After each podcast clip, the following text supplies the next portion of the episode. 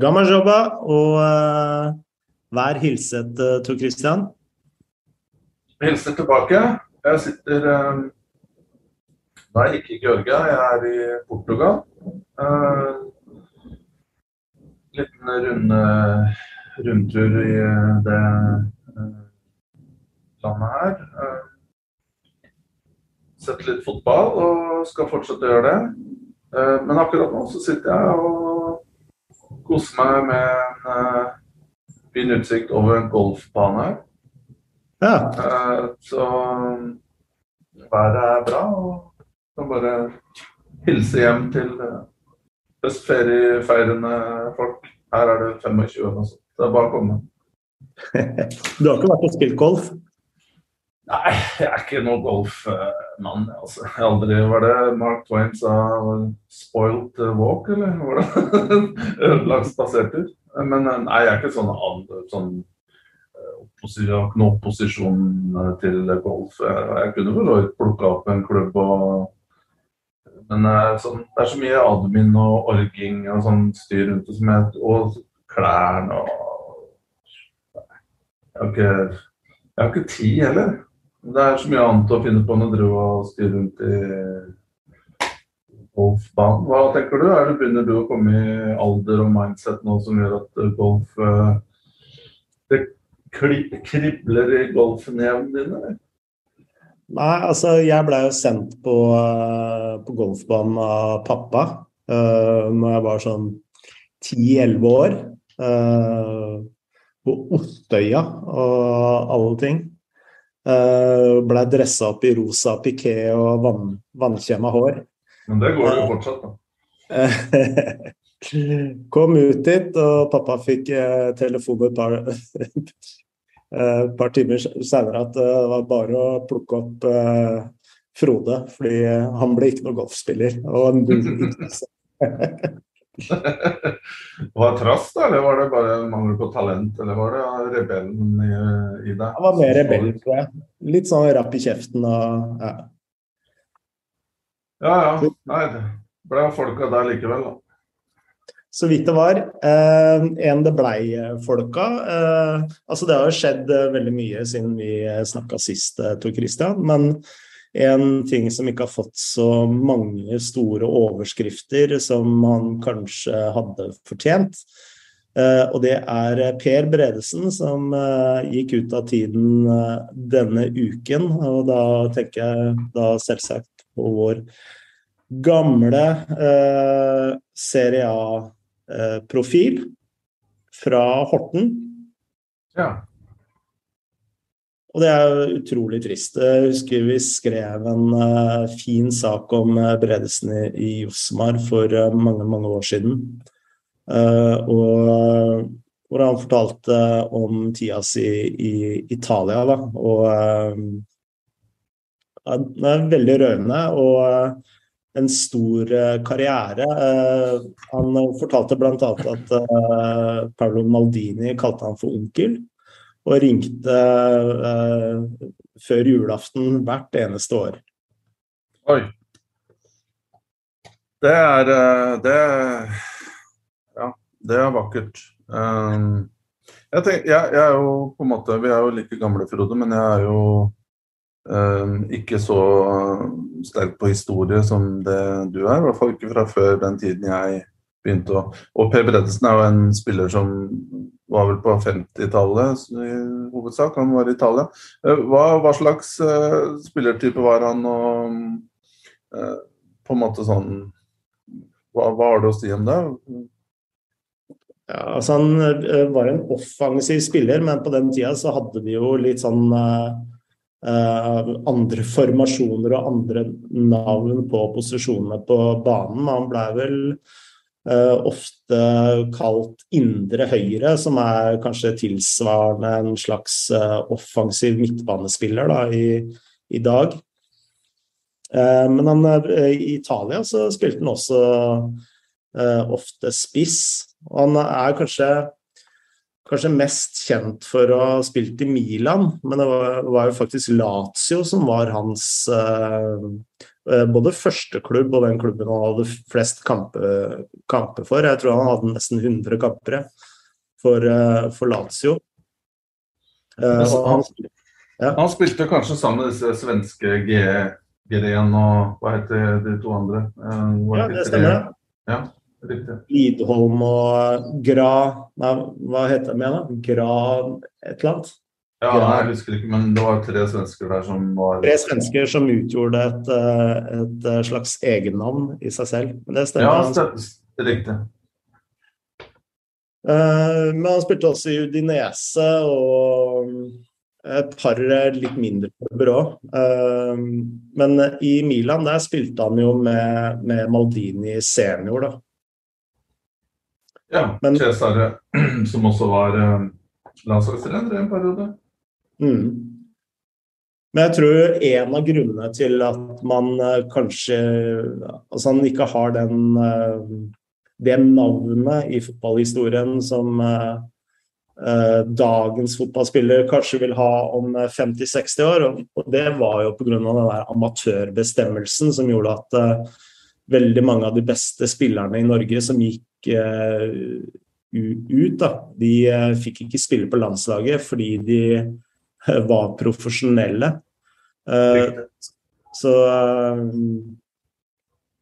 Og, det, og det, det, er akkurat dette med landslagskamper er nok uh, utrolig viktig for uh, renommeet sånn historisk sett, da. Det er klart. Uh, nei, det, det, er jo håper å si, det jeg husker av Per Bredesen, er jo som du sier at det er jo, det er jo fåtall nordmenn som har hatt noen som helst slags karriere i Serie A sånn fram til 90-tallet, da det begynte å komme noen her og der.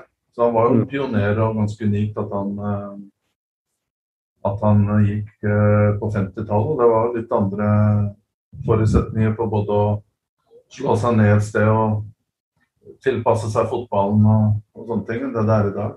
Så mm. han var jo en uh, banebrytende mann. Ja, men uansett, eh, en av landets eh, beste og største fotballspillere gjennom tidene, iallfall. Eh, la oss eh, gå litt eh, videre, og vi har fått litt eh, spørsmål eh, denne gangen. og Jeg bare lurer på om vi skal gå rett på norsk fotball, jeg. Da har vi blitt eh, snakka nok om Manchester og, og London Derby, men Eh, det kom en eh, pressemelding fra eh, Norges Fotballforbund om at det var fire klubber i Eliteserien Nei, ja, fire klubber i Eliteserien og én i Obos som nå var i rød sone. Og klubbene var Strømsgodset, Odd, Tromsø, skal vi se hvem flere var som var i rød sone her. Eh, Brann i Obos iallfall. Um, uh, Strømsgodset og Kristiansund var det. Kristiansund ja. og, uh, og Tromsø. Som nå er i rød sone, som betyr at de må i såkalte finansielle oppfølgingssystemet til NFF. Og uh, Andreas se, Seipajärvi han lurer på rød-gul sone for eliteserieklubber kontra rød sone for Levanger FK. Er det forskjeller der? Klubber som fratas lisensen i Post Nord Obos Eliteserien, sendes vel sendes laveste divisjon. Har dere peiling? Jeg kjenner, jo, ja, jeg kjenner jo ikke situasjonen med Levanger der eh, så godt. Um, men uh, ja. Men, men for, for, å være konkret på spørsmålet hans, så sendes de ikke ned til niendedivisjon, de sendes ned til tredjedivisjon. Fordi det som skjer hvis du ikke får fornya lisens, det er at du da sendes ut av det profesjonelle ligasystemet, da, som er de tre øverste divisjonene. Altså Eliteserien, Obos og PostNord. Uh, så det er det som skjer. Uh, og dette var jo et system som ble innført i 2008, sånn egentlig på høyden av uh, norsk klubbfotball igjen. Sånn hvis du måler inntekter. Og bakgrunnen var jo at det var en rekke klubber som sto på konkursens rand fordi de hadde Selv om de tjente masse penger på, på disse store TV-avtalene, så brukte de også alt, eh, altfor mye. Og her blei jo eh, dette FOS, eh, som det heter, da, finansielt oppfølgingssystem, innført. Og det fikk jo noen ringvirkninger for norsk, norsk fotball ved at man, man, kunne rett og slett bruke mindre penger. Og det gjorde jo det at lønningene måtte ned. Vi fikk jo færre utenlandske spillere inn i klubbene. Uh, og etter hvert så begynte jo det å gi, gi seg gjeldende i spillerutviklingen også. men flere og flere begynte å satse på, på sine egne akademier. Eh, så det var jo ikke bare, bare dårlige konsekvenser med at eh, man måtte sette tæring etter næring. Eh, men de, det jeg har tenkt, det er jo at det systemet som man innførte i 2008, det begynner man egentlig å se konsekvensene av først nå. Altså 10-11-12 år seinere så har dette begynt å liksom virke på, uh, på en litt annen måte. Da.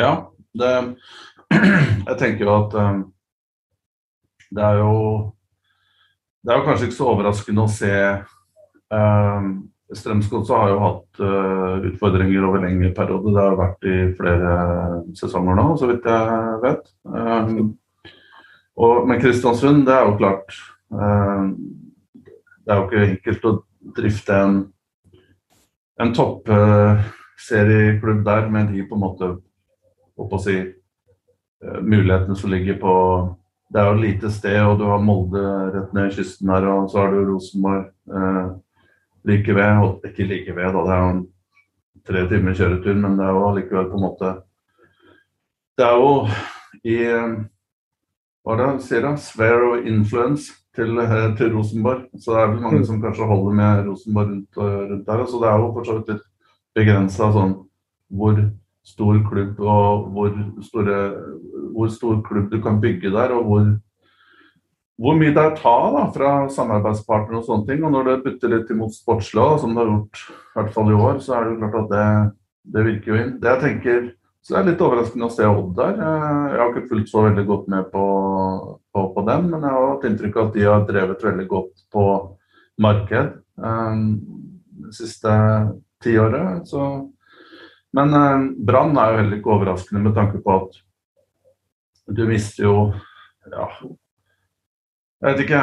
Du mister jo fryktelig mye inntekter av, av, av den turen ned i Obos. Uh, så det er jo på en måte en en sitron de må sitte og sutte litt på nå utover høsten her, men det, eh, det som er redningen for alle her, er vel at uh, inntektene vil jo få et hopp, i hvert fall hos de tre av, tre av de nevnte. Uh, Kristiansund avhenger jo mye av uh, statusen neste år, om de holder plassen eller ikke. og så tenker jeg også at Brann lider jo under det faktum at de rykka ned og det ble vanskeligere å selge spillere. og de hadde vel sikkert også en satsing som gjorde at de heller ikke ønska å kvitte seg med noen.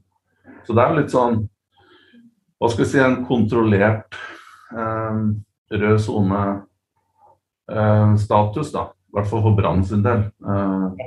fordi de, de, har jo ikke på en måte det, det her kommer jo til å tippe litt andre veien for dem igjen. Og de har jo spillere der de kan kan selge eventuelt hvis du virkelig skulle trykke. Men, men jeg har inntrykk av at Brann Vi skal jo komme tilbake til det et annet spørsmål, men at de har på en måte fått restrukturert litt og, fått orden eh, på ting da, eh, mm. under det året i, i, i Obos her. Men eh, sånn tilbake til spørsmålet, så tenker jeg at det er jo ikke noen målsetning for NFF å, å, å, å kaste klubber ned i, på, på tredje, fjerde nivå. Eh, og jeg føler at ditt, si, trafikklysene her, det handler jo mer om bare en slags eh, guide. Eh, det er mer til hva skal jeg si, en slags eh, veiledende eh, instans enn at det er på en måte uh, Ja, at du står ved rett ved klippen, da, og, og noen skal stå og dytte deg ut. Det er jo ikke sånn det er ment. Så, så, de, har nok, de har nok kontroll oppi der, tror jeg. Ja, og det skal uh, mye til før du mister lisensen. Da skal du liksom ha, ha Altså, du kommer jo Hvis du uh, ender opp i rød sone, så blir du en del av dette oppfyllingssystemet til NFF. Uh, økonomisk, selvsagt.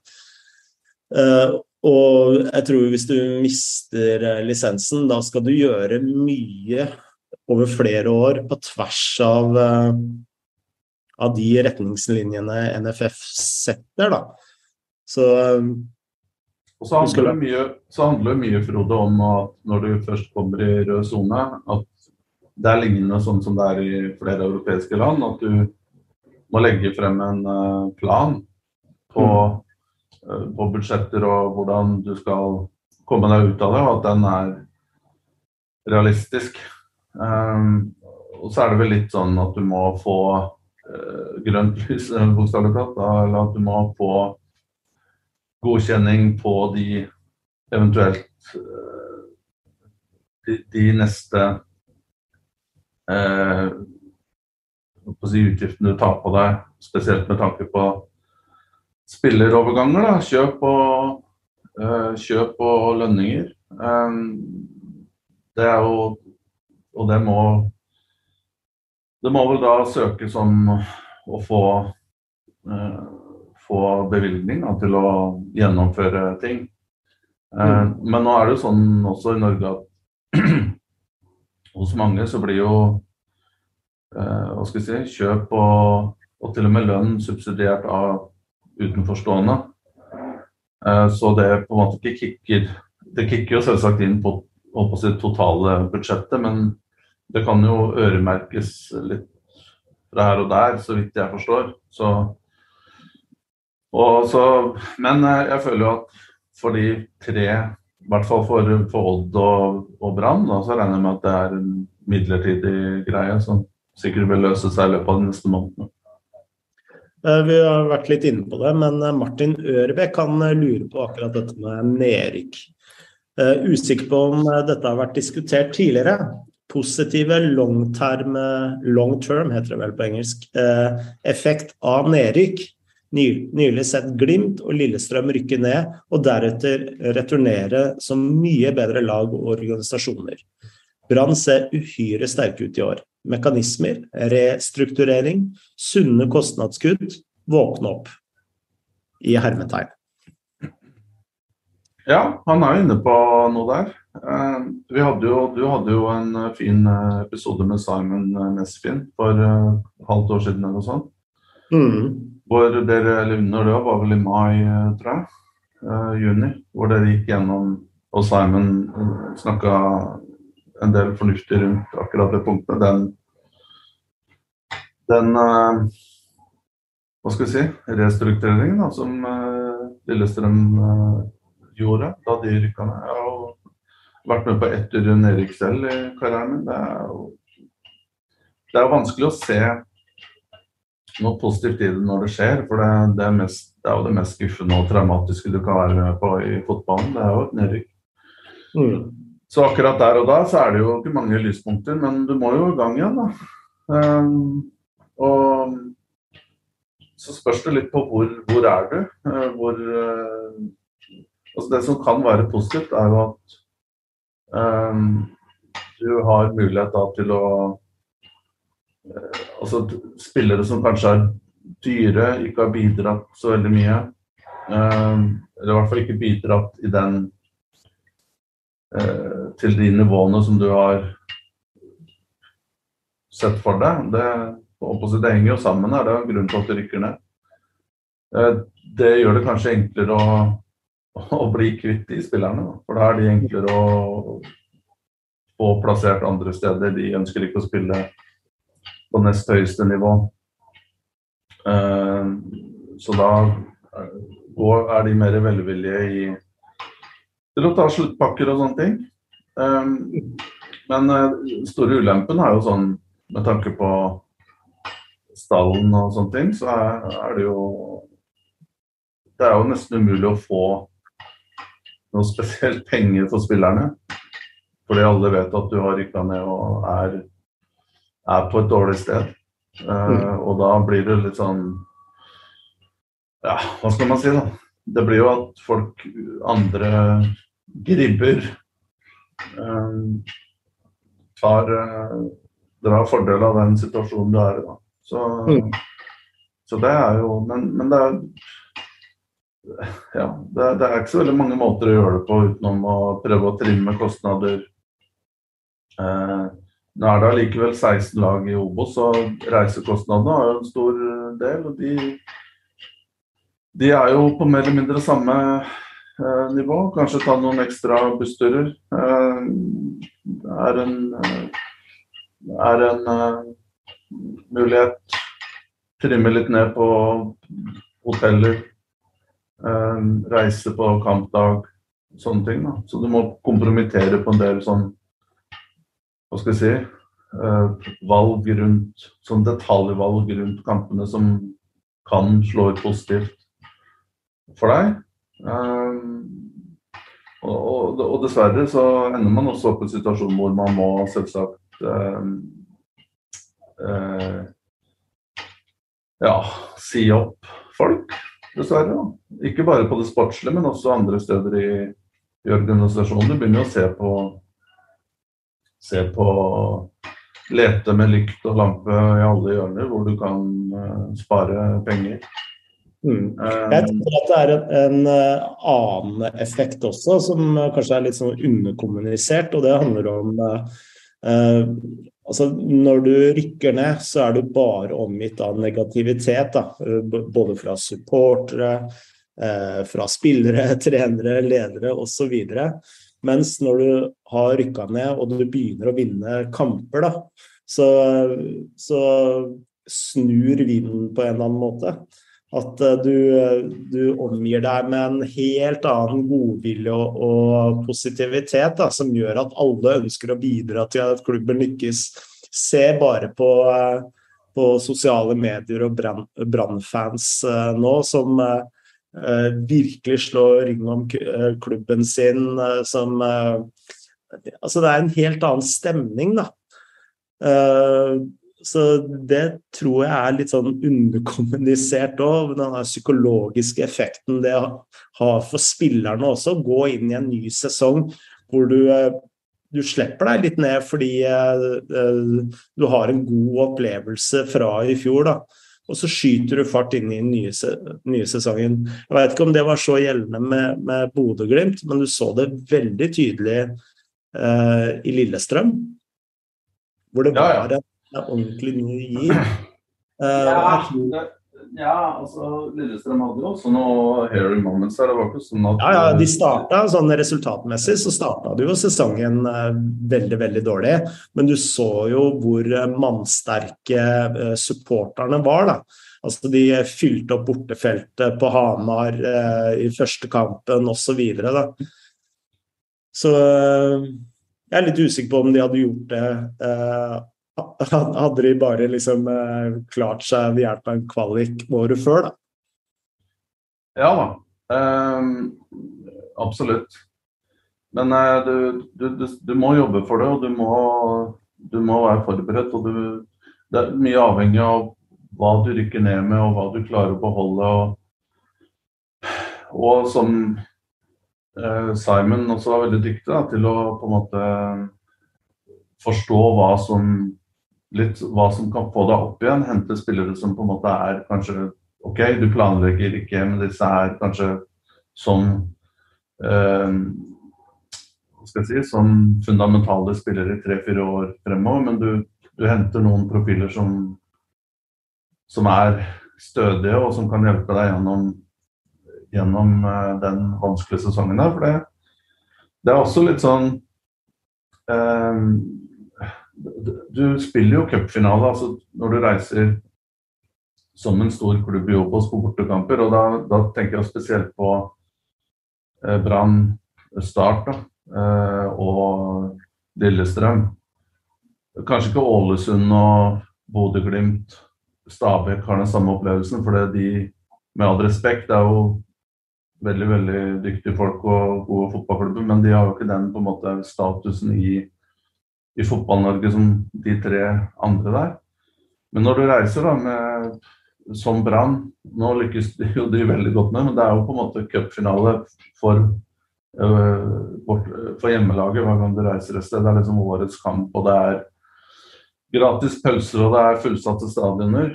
Og hvis det er én kamp i året de, de, skal slå deg og føler at kanskje du er ikke helt på 100% så er det tøft. Mm. Eh, og, men eh, måten Brann har gjort det på, er nesten uforklarlig. Og, men du er jo litt inne på det her også, Frode, at når du først kommer i gang så, og har gode spillere og god mentalitet og god disiplin og en stor, stor stall i tillegg som Brann har hatt, så flyter du så kan du flyte gjennom. Mm. Men eh, det, det, skal en del jobb til før du kommer deg dit. Men så ser man også hvordan det er på høsten i Norge, spesielt i Obos. Du kan få en veldig vanskelig start fordi det er veldig mye energi her og der. Um, og, og bortelagene, eller hjemmelagene, de har på en måte alt å spille for tidlig i sesongen. Og så ser du at sånn som det har blitt nå, kanskje siste sesongen, at nedrykkskampen er tidlig avgjort. Uh, og da får du ikke de på en måte vanskelige uh, kampene der. Og så går lufta litt ut av de uh, svakere lagene, til og med litt opp på mid-table. Går lufta ut av dem litt utover sesongen, litt pga. at de er halvprofesjonelle spillere som må jobbe. og Stallene er ikke så store, så det tærer mye mer på dem enn det gjør for de større lagene. Så der er det en, en stor, stor fordel. Men sånn rent det, det spørsmålet det han skal fram til, er vel om på en måte det er en reset button da, som du kan trykke på. Ja. Uh, og når du gjør det på riktig måte, og, så, så, kan du jo selvsagt uh, Men at det er en blessing in the sky, er litt, disguise, det er litt vanskelig å være helt enig i. For det, ja. For det inntektstapet er såpass stort, og du, du, må på en måte starte på nytt igjen. og Det er ikke alltid at du starter på nytt der du ønsker å være. Du mister mange gode spillere, det kan være unge spillere som du må slippe for, for uh, langt under det de burde ha vært, uh, uh, burde ha vært solgt for. ikke sant? Så det er Men igjen, da, Brann. Altså, det er jo helt, helt utrolig hvordan de har opptredd i 2022. Mm. Uh, kan jeg oppfordre våre lyttere som har lyst til å høre mer om hvordan uh, Lillestrøm i dette tilfellet, men sikkert andre klubber også, restrukturerer gjennom et nedrykk, eller etter et nedrykk. Kan jo høre på den episoden jeg hadde med Simon fra i mai, hvor han forteller ganske inngående om hva de gjorde. Lurer på om vi skal uh, ta noen flere spørsmål. Ja. vi har uh, fått to spørsmål om enkeltspillere. og Vinit Andersen han lurer på tanker om Kasper Tengseth, et av de beste kjøpene på lenge i Eliteserien, til ti mil. Hva tenker du verdien på han er nå? Ja, nei, det er jo helt, helt utrolig. Vi, vi, vi snakka bitte litt om han uh, akkurat uh, da han gikk til RBK, husker jeg. Ja, uh, og det, og det syns jeg er litt spesielt der, da, som jeg var inne på den gang, er jo at han Det var en spiller som var Mange bare så på han i Danmark.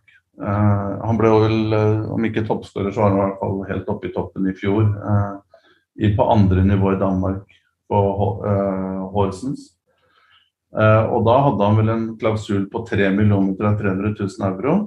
Um, og det var mange som var og, både fra Norge og andre steder som var og kikka på han. Han har liksom den profilen der uh, som både fysikken og hodespill og avslutningsegenskaper og sånne ting som vi har sett nå i Eliteserien, som gjorde at han var interessant. Alle hadde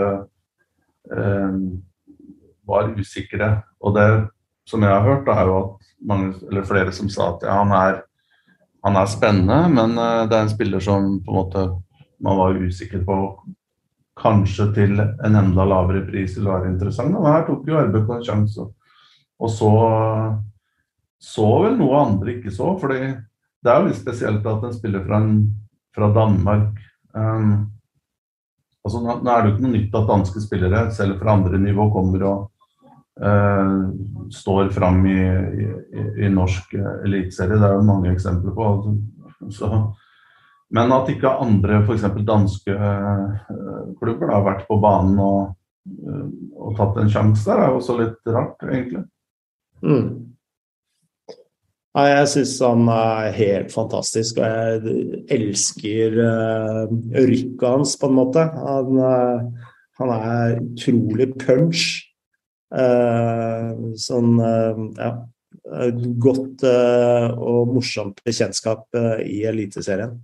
Men jeg lurer jo også, også, litt på det. Hadde vært litt interessant å vite litt på en måte hva som gjør at disse danskene, veldig mange av dem, da, kommer til Norge og presterer så bra. Om, om det har noe med mentalitet å gjøre, f.eks. At danske spillere er altså, generalisering, selvsagt, men de er bitte litt bedre på forberedelse, bitte litt bedre på, på, på, en del ting. Profesjonalitet uh, altså, Nå spekulerer jeg her, men noe må det være. OK, er, vi har snakka om nivået på ligaer og sånne ting, og det skal vi være forsiktig med etter, etter sist. Uh, men um, det er i hvert fall uh, veldig spesielt, da at en, eh, at, at en, spiller kan gå inn eh, i dag, i 2022, på et topplag i Norge og på en måte eh, blåse håper å si, Ta nivået så kjapt og, og dominere i den grad. Det syns jeg er veldig, veldig ekstremt. Mm. Han, han har jo noe å slekte på òg, så han er jo nok et eksempel på en spiller som har Uh, fedre i dette tilfellet, da, som har spilt uh, fotball på, på, høyt nivå. Og det Og jeg som har jobba en del med barne- og ungdomsfotballen, jeg, altså jeg veit hvor viktig det, dette med foreldre er. Altså hvor, hvordan du blir fulgt opp og uh, hvor mye du liksom har med barna dine ut og, og spiller har å si. da. Så det ja. er også ting å Ja, og i tillegg, ja, når vi er inne på det med foreldre, det er litt sånn eh, Igjen, dette blir kanskje søkt og litt generalisering igjen, men jeg, jeg, tror også noe handler om krav og det å ha noen til å guide deg som virkelig vet hva det handler om, og at du må ofre og at ting ikke kommer billig hele tiden. Mens mange foreldre er opptatt av liksom hele tiden at ja, sønnen min er, eller dattera mi er, er utrolig god, uten at de har nødvendigvis noen referansepunkter, bortsett fra lokale fotballen fra barnelag hvor de har vært, eller ungdomslag har vært dominerende. Mm. Men de har ikke referansepunkter til hva som nytter for å komme seg på topp i det profesjonelle fotballen.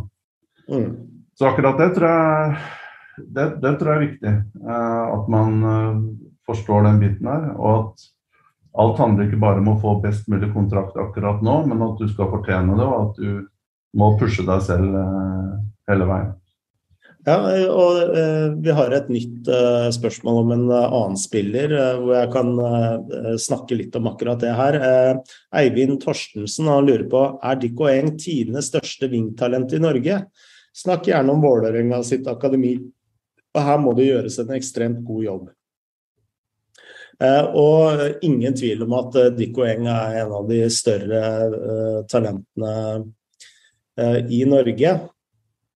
Men, og du ser det veldig i hvert fall i Oslo-akademiene, hvor si du har 20 spillere, hvor to eller tre går til en Obos- og eliteserieklubb, og så har du da 18, Eller hva blir det? 18 eller 17 uh, andre ungdommer som tror de er gode nok for Obos og Eliteserien, men kanskje enda mer alvorlig foreldre som mener at de er gode, gode nok.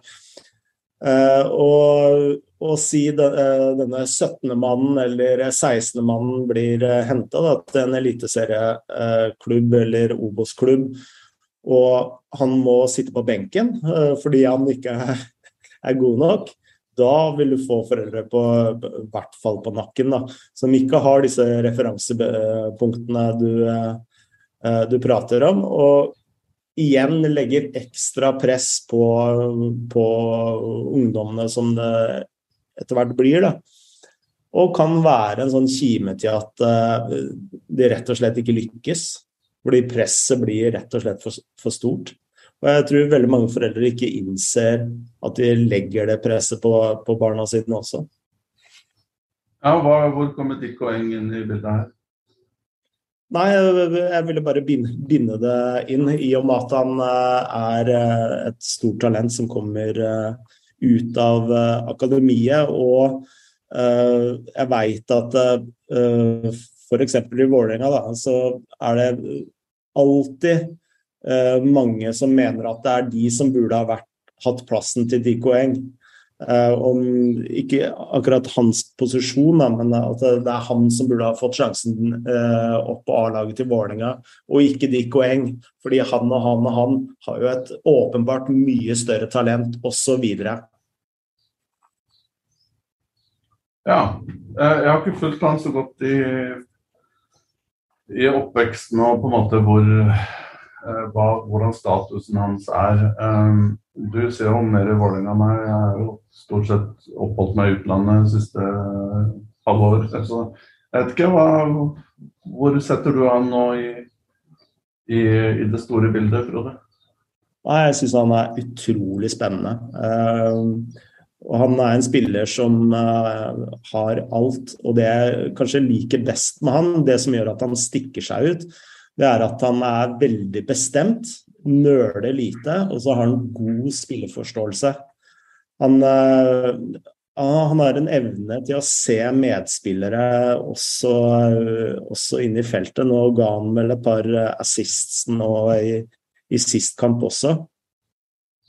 Uh, så det er veldig ofte du Når du ser uh, unge, særlig wingtalenter, så er det sånn de har fysikken på plass, de har driblingene på plass. Men så slutter det Så, så er det alltid mye å, å plukke på uh, spilleforståelse, avslutninger og det å være bestemt, da. Men det er tikke de poeng alle, alle, alle boksene. Så utrolig spennende spiller. Jeg um jeg syns jo også at vi, vi skylder Vålerenga en liten uh, liten klapp på skuldra her. For de fikk jo en veldig tung sesongstart. Uh, var krisemodus. Mange ropte på uh, Fagermo sitt hode på et, uh, på et fat. Og det var um, det var stor, stor oppstandelse. og etter det så har det bare gått en vei. Nå er det en utrolig eh, nå, nå, ble den streaken brutt der med, med tap i Kristiansund, var det vel. Men det, hvis du ser på de siste 12-13-14 kampene, så er det vel ti seire eller noe sånt. Um, og jeg blir ikke med på at det var den der eh, talen til uh, Trøim i som det ble hevdet, da, at det skal ha vært utslagsgivende. Altså, og om det så var det, så er jo det på en måte et slags eh, symptom på at ting eh, kanskje ikke det er, det er, i hvert fall ikke på en måte må, måten å løse ting på, vil jeg, si. da. Men hva, du var jo ganske krass i kritikken mot Fagmo og hans manglende evne til å forandre kampbildet og ha en plan B og sånn. Men hva har skjedd der? Uh, spillerekruttering uh, er vel én ting. Altså, det har vel uh, gått et par spillere ut som ikke har vært Én ting er at de ikke har vært gode nok, men de har også vært en altså, noen råtne egg i garderoben.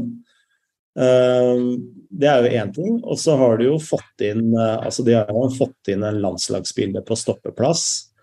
De har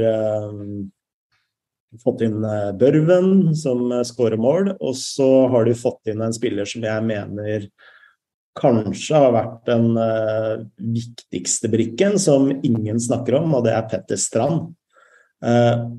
For maken til arbeidshest, det har jeg ikke sett maken, på, maken, til på et Vålerenga-lag på mange, mange år. Og jeg tror at den innsatsen han legger ned på midtbanen, har vært helt avgjørende for at Vålerenga skulle snu denne trenden.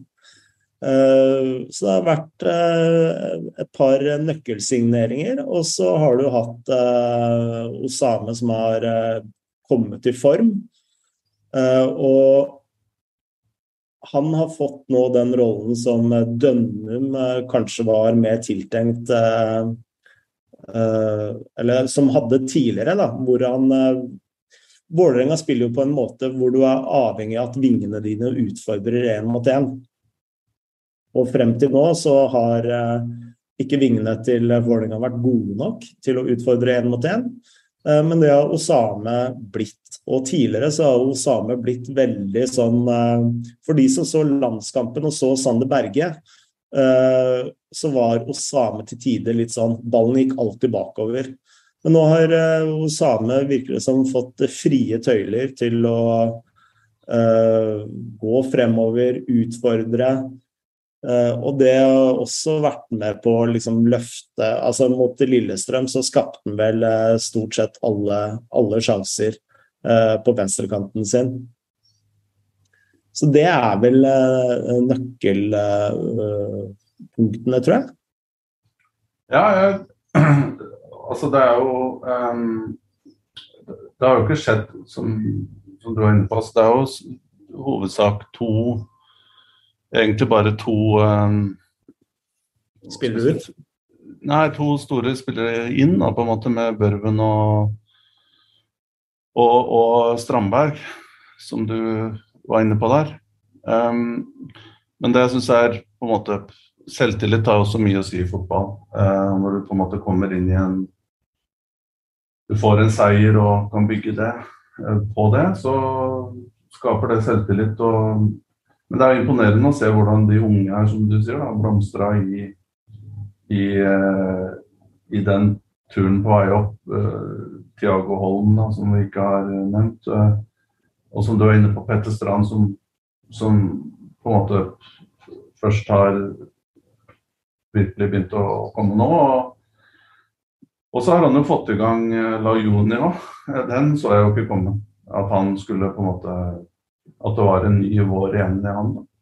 Mm. Um, men så sagt, jeg har ikke sett så fryktelig mye av Vålerenga, så jeg har ikke noe kvalifisert mening. Men jeg, jeg registrerer jo at uh, resultatene er gode. Og, og kanskje en lærdom i det òg, at uh, ikke, selv om det går fryktelig dårlig, så, så er det ikke nødvendigvis så man trenger ikke å gjennomføre en revolusjon. Eh, spesielt når man har unge spillere på vei oppover som du bør gi plass. Ja. Men det er klart det er også La oss si det sånn, da.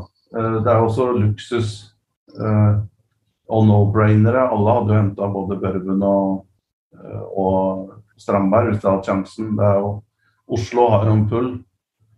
Ja, ja, absolutt. Altså kontra, kontra andre, andre byer i Norge. Så det er jo klart det er to, kvalitets, to kvalitetssigneringer som, som alle hadde slått det på. Ja, men i tillegg så er det jo flere spillere som jeg ikke har nevnt, som har vært klare forsterkninger. da. Altså Magnus Sjøeng i mål. Eh, plutselig har de en keeper som ikke gjør tabber. Uh, Juklerud på venstrebekken, eh, klar forsterkning. Og så har du en rekke unge spillere som har liksom Ja, Juklere glemte jeg. Ja. ja.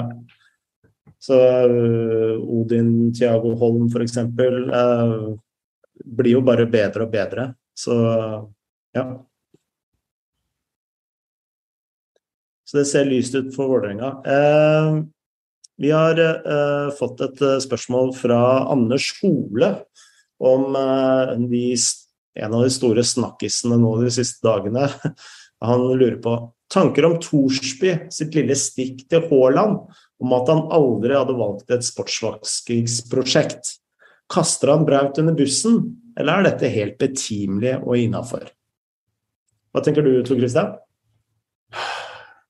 Jeg syns jeg syns det her er ekstremt vanskelig. Um, og det er første jeg tenker, er jo at um, Thorsby er ved sin rett til å, å, å, mene det han uh, vil, og han er ved sin, ved sin rett til å, til å ha de å si, verdiene han har, og, og, og, han står jo for dem i tillegg. Uh, og det gir jo på en måte uttalelsene litt mer tyngde. At uh, han lever etter sine ord. Han er, har disse engasjementene som han står for 100 uh, eh, Så det, det, er jo fair, egentlig. så jeg, har ikke noe problem med det. det er klart Problematikken starter her når man skal begynne på en måte å moralisere over valgene til Eh, Haaland. Eh, og, men eh, nå har ikke jeg lest sitatet på en måte om han sier direkte til Haaland og på å si at det er en direkte referanse til det. Men jeg bare prøver å bryte det litt opp her. Så Men Og så er det spørsmålet om nå, nå, skal man ikke sette noen, som jeg sier, man skal ikke sette, stille, sette spørsmålstegn ved Thorsbys integritet, som jeg sier. Han etterlever jo disse prinsippene sine. Eh, absolutt. Men det er klart, når du er i Haaland sin, uh, sin uh, på en måte særstilling altså er, Vi snakker om kanskje verdens beste spiller akkurat nå. Og har vært det kanskje lenger enn vi, vi tror med tanke på de, den fremgangen og prestasjonene han har gjort. Det siste, i hvert fall siden årsskiftet. Eh, så er det jo klart at uh, du Det melder seg på klubber i som interessenter som i visse tilfeller har ting på et overordna nivå, altså eierskapsnivå, som åpner for, for spørsmål og for moralske dilemma. Jeg finner det veldig vanskelig å, eh, å vite hvor man, trekker, hvor man trekker grensen her. Eh,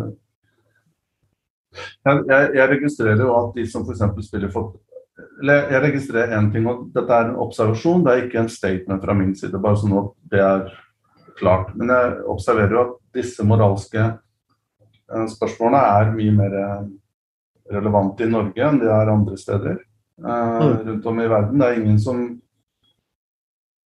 det er, Jo, det er mange som gjør det, men det er mer på en måte kanskje Twitter-sfæren og kanskje også innenfor et slags ekkokammer, da, hvor, hvor meninger blir frontet. Og da tenker jeg f.eks. med spillere som går til Paris Saint-Germain. Du, du, du, ser jo ikke du ser i hvert fall veldig sjelden uh, at det er problematikk rundt om en italiener går dit eller en spansk spiller eller en, en, brasilianer. Det er på en måte Det er ikke veldig mange som bryr seg, men er, de er i hvert fall i veldig, veldig, en veldig liten minoritet. Mens i Norge så er dette her veldig aktuelt. Um, jeg, jeg, har vanskelig for å altså Dette går litt på mine personlige preferanser. Jeg har vanskelig for å bedømme hva andre skal mene, og hvor, hvordan man stiller inn andre menneskers moralske kompass. Mm. Jeg syns det er vanskelig å leve andre mennesker sine liv. Jeg har nok med mitt eget. Eh, og eh, Men det, det, Og jeg, jeg, er også usikker på hvor mye man skal legge på spillere når det gjelder Ehm, på en måte det overordna i, i, klubbene. Det, altså hvor, hvor dypt eh, spillere skal gå med tanke på eh, med tanke på å med tanke på hvor avgjørende eierskap og sånne ting skal være for fotballklubber, eller for valg av klubb da, for spillere. Mm. Eh, og, men jeg tenker også da dette blir ikke whataboutism, men det er også en observasjon. at det, Man ser jo Qatar-VM eh, skal starte nå om to måneder. Og, eller under det òg. Um, og man ser jo ikke så veldig mange spillere som på en måte har kommet ut og sagt at jeg skal ikke spille i Qatar pga. de fryktelige tingene eh, som, som, har skjedd under byggingen av, uh, av stadioner. Uh, og ikke minst måten de har fått VM på. Eh, for meg er det en, egentlig mer en no-brainer enn å ikke gå til en, til en, klubb som har et visst eierskap. Jeg føler det er en klarere situasjon hvor du kan si nei og gjøre en statement. Mm. Eh, klubbeiere, altså OK, nå har Manchester City har, nå har de eid klubben i over ti år. Um, og jeg, jeg, orker ikke å gå inn på hva de eventuelt har gjort for Manchester og sånne ting, og på en måte de forpliktelsene. og Jeg, jeg forsøker ikke å, å, rettferdiggjøre eierne til City på noen som helst måte, men det har i hvert fall vært et stabilt eierskap og har for så vidt holdt en, en lav profil. Um, men, eh, men, eiere kommer jo altså generelt, eiere kommer og går, og du som spiller, du treffer sjelden eierne, du har sjelden noe med dem å gjøre.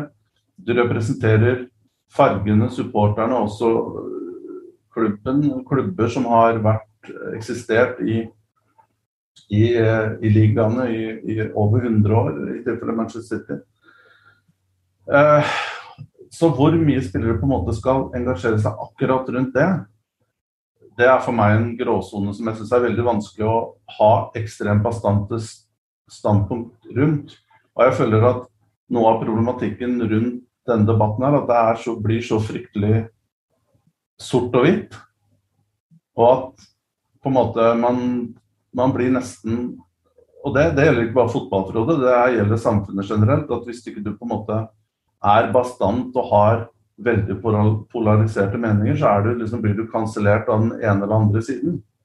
Mm. Og det er nesten en verden jeg eh, ikke syns er én, veldig reflektert, to, ikke veldig behagelig å være en del av ordskiftet. Um, og jeg føler i mange tilfeller, nå går jeg ikke tilbake på Torsby, men jeg føler i mange tilfeller så er disse, disse dilemmaene som spillerne eh, står i, i, heller ikke på en måte relevante for de som kritiserer det. Så man får jo heller ikke testa ut moralen eller prinsippene til de personene som kritiserer det. Da. Så terskelen for hyp hypocrisy er jo også ganske, altså kan være ganske lav her. Ja, jeg, jeg, satt og tenkte på det selv. altså Når eh, NRKs journalist uh, spør uh, Haaland om eierne fra Emiratene, når de selv, NRK, skal vise VM fra Qatar. Det blir eh, det er, eh, det er kognitiv dissonans av dimensjoner, da. Uh, som handler litt feil, i hvert fall litt for egen dør, før du begynner å peke fingre. Men hvis jeg har forstått deg rett, da, så er du, du er for du er for debatten og for diskusjonen, men du liker ikke moraliseringen? Nei, det er vel en jeg, jeg, jeg, liker jo selvsagt at folk har meninger, men jeg, jeg føler at man, man, bør også akseptere at folk ser noen nyanser her, som kanskje ikke er så åpenbare for andre. Eh, og det føler jeg helt lost i, i den debatten her. Og, og, så tenker jeg også at Eller i hele den på en måte eh, hva skal jeg si, environment og hele klimaet for den diskusjonen har blitt så fryktelig polarisert. Mm. Og det andre der det andre jeg tenker på, er også at for eh, Haaland sin del eh, Han skårer hat trick, tre hat trick på rad. Eller ikke på rad, men tre hat trick på åtte kamper av hva det er i Premier League. Og så, så, kommer da norske aviskommentatorer eller mediekommentatorer, så kommer den der sportsvasking kommer hver gang. Og det er greit at det er på dagsordenen, og jeg forstår at det er noe som må snakkes om. Og det er, det er også en diskusjon som er i utvikling. Vel og bra. Men jeg lurer jo bare på hvor skal dette stoppe? Altså, hvis Haaland nå skårer mot uh, Nå husker jeg ikke hvem, bortsett fra Dortmund, hvem City har i Champions League i, i, i farten her, men det spiller ikke noen rolle. Men bare hypotetisk om han skårer da i neste kamp, om det er mot Real Madrid eller om det er mot Barcelona eller et stor klubb, det, er det det samme igjen da? Jeg mener Det må være lov å liksom spørre. Og disse kom, eh, ekspertkommentatorene, det må jeg også bare si, det er, jo, det er jo ingenting de elsker å skrive mer om enn moral. Moral. Jeg leser ikke lenger om analyse av kamper eller av, av interessante poenger. Dybde, gå i dybden på på problemstillinger som går på det sportslige. Jeg sier ikke at begge, to, be, altså begge deler kan eksistere, selvsagt, og skal eksistere, men jeg føler at all fokus og det mange av kommentatorene er på en måte da de føler seg hjemme, det er jo på moral og sånne ting. Da lurer jeg på mm. hvorfor, hvorfor ikke bli politisk kommentator. Uh, og jeg, jeg, er jo Selvsagt skal sportspolitikk eh, også kommenteres, som, eh, og det er kanskje et aspekt som har blitt undervurdert og snakket altfor lite om i veldig mange viktige år. Spesielt de siste ti årene med det som har skjedd med rundt Qatar. Mm. Men jeg føler jo at vi har fått bølge etter bølge etter bølge hva gjelder um, Haaland og valg av klubb. Og så blusser dette opp hver gang han skårer mål. Og det tror jeg på en måte Håper å si hvor Vi har liksom point taken, og sånn er det, da. Det har blitt sånn. Og Haaland spiller for den klubben han valgte. Han har tatt sitt valg. Han har eh, Men liksom, vi, vi kan ikke bare fortsette med dette her hele tiden. Det er og Jeg sier ikke at det skal legges død og vi skal glemme, men det må også være andre fronter man kan uh, på en måte um, La oss si kanskje bidra til å gjøre ting litt bedre enn å bare skrive den samme kommentaren hver eneste uke eller hver eneste måned. Det er bare sånn kommentaren av media det som, som jeg syns er litt spesielt. At det har blitt på den måten. Jeg, jeg, jeg, ja. Jeg tenker det er journalistisk latskap, da. Altså det er litt sånn uh, uh, jeg, jeg, mener jo også at uh, fotballspillere må kunne uh, besvare spørsmål om klubbvalg og, og, eiere.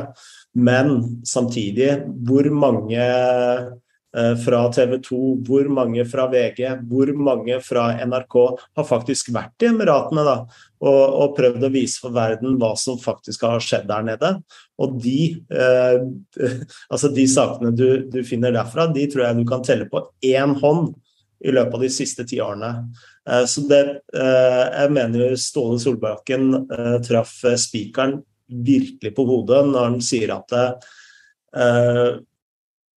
altså det er så mange viktigere saker og viktigere maktpersoner som skal stå opp til ansvar for hva som skjer i sånne regimer, da, enn nødvendigvis fotballspillere. Eh, og de går jo bare på, på spillerne fordi det er så enkelt. Det skaffer, skaffer klikk, skaffer masse oppmerksomhet. Men, eh, men, belyser det saken? Belyser det noe om forholdene i de landa? Neppe. Nei, det, det, det er riktig. Og, og så kommer jo disse spørsmålene om på en måte Er Haaland en på en måte sportsvaskingsobjekt for Manchester City? Um, men da kommer jeg også tilbake til på en måte innledende resonnement her om at når du kommer deg opp på et visst nivå innenfor verdensfotballen, så, så blir det Så ender du fort opp på et nivå hvor, hvor de som sitter i styrerommene, har en annen, har en annen dagsorden enn kanskje litt mer etisk drevne klubber med andre prinsipper. Og da Og når alt kommer til alt, så,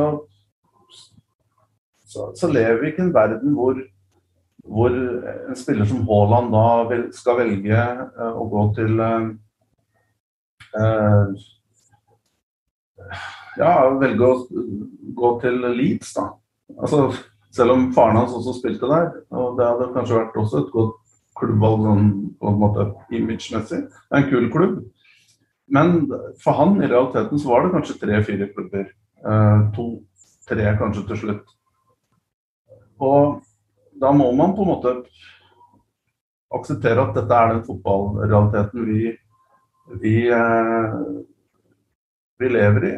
Um, og er han et instrument? Ja, kanskje han er det. Altså, men Manchester City handler om at de, de, ønsker å vinne ting, og de ønsker å ja, bli best mulig som, som alle andre. Det, jeg, jeg, jeg, poenget mitt jeg aksepterer at folk har en annen mening. Jeg aksepterer at det er en, selvsagt en stor debatt rundt det. Men jeg, jeg synes debatten er i ferd med å bli repetitiv. Det kommer ingen vei. Det er, en, det er de samme på en måte eh, kommentarene som, som skytes ut uh, hele tiden. Og jeg blir egentlig bare lei av ja, av den polariseringen som er, og at det er så få nyanser her. Og igjen, kaller man journalistisk bjørnetjeneste? Jeg vet ikke hva man skal kalle det, men igjen, jeg bare sier det fra, Frode, fra der jeg kommer fra. Og jeg, jeg, jeg bare syns det, det, har blitt for, for forsøkt. Og, og igjen at hva skal jeg si at, um, at det er veldig mange som uttaler seg på et prinsipielt grunnlag uten egentlig å å analysere mye dypere hvilken, hvilke problemstillinger eventuelt spillerne står overfor. Det, det, er egentlig det jeg ønsker å si om Selv om det, eh. selv om det her ble veldig langt resonnement. Eh, for å besvare spørsmålet da, eh, som Haaland eh, fikk på pressekonferansen i forkant av Serbia-kampen, var det vel, så kan vi jo si det som så at Nei, jeg spiller for Manchester City av akkurat samme grunn som du jobber for NRK eller TV 2. Ja, og det, det, er også en legit Det er også et legit svar, syns jeg. At du, du spiller for du, du, du, spiller for klubb, du spiller for fargen, du spiller for supportere. Jeg tror de fleste fotballspillere eh, Og så får man på en måte Vi som pseudointellektuelle og Vi kan på en måte Vi har, vi har kanskje annen, andre prioriteter. Vi, andre ting vi bryr oss uh, mye om. Um, og vi kan kanskje trumfe eller på en måte stå for ting på en annen måte enn det spillere som er amoralske uh, av en grunn. De, de, er opptatt av karrieren, de er opptatt av fotball, de er opptatt av adrenalin, de er opptatt av å vinne, de er opptatt av disse tingene. Kanskje ikke spillere som har vært politisk bevisst. Hvis du spør hva er forskjellen på Rødt og Frp, så kan de ikke gi noen, noen klare svar. Og igjen, Eh, de, jeg kan også si eh, fra eget ståsted, altså de klubbene jeg har vært, så, så er det få av spillerne som egentlig bryr seg noe særlig om å sette seg inn i hva er bakgrunnen til presidenten i den klubben eller eierne, hvor kommer pengene fra, hvor, hvordan, er finans, hvordan er operasjonen finansiert. Eh, du har spillere og igjen, det blir sånn whataboutism, da, men du har spillere som spiller i Saudi-Arabia, de spiller i, i Emiratene. Det er profesjonell liga i Qatar. Du har hatt store profesjonelle trenere. Shawi f.eks. var flere år i Qatar. Eh, veldig liten eh, diskusjon rundt akkurat det. Jeg sier ikke at det to, tre, fire, fem, ti, tolv wrongs make one right. Det er ikke det jeg sier. Men jeg syns den bølgen da, rundt Haaland, som jeg har sagt nå på, til, Nå er jeg som er repet, repetitiv her, men det, er liksom, det har fått en dimensjon som nesten har vokst ut av kontroll, på en måte. Det er, føler jeg. Jeg lurer på om det blir våre siste ord i dag, Tor Christian? Ja, det tror jeg kan være fornuftig. Um, så ja, vi får bare sette strekk der. Og um, så får vi bare invitere til nye diskusjoner om forhåpentligvis en ukes tid. da. Uh, før vi avslutter, så vil jeg gjerne takke alle nye patrients og gamle for, for, øvrig. Veldig hyggelig at det er så mange som uh, velger å støtte podkasten. Det setter vi utrolig pris på. Vi prates igjen neste uke, Tor Christian, og til da så sier vi bare gamma joba!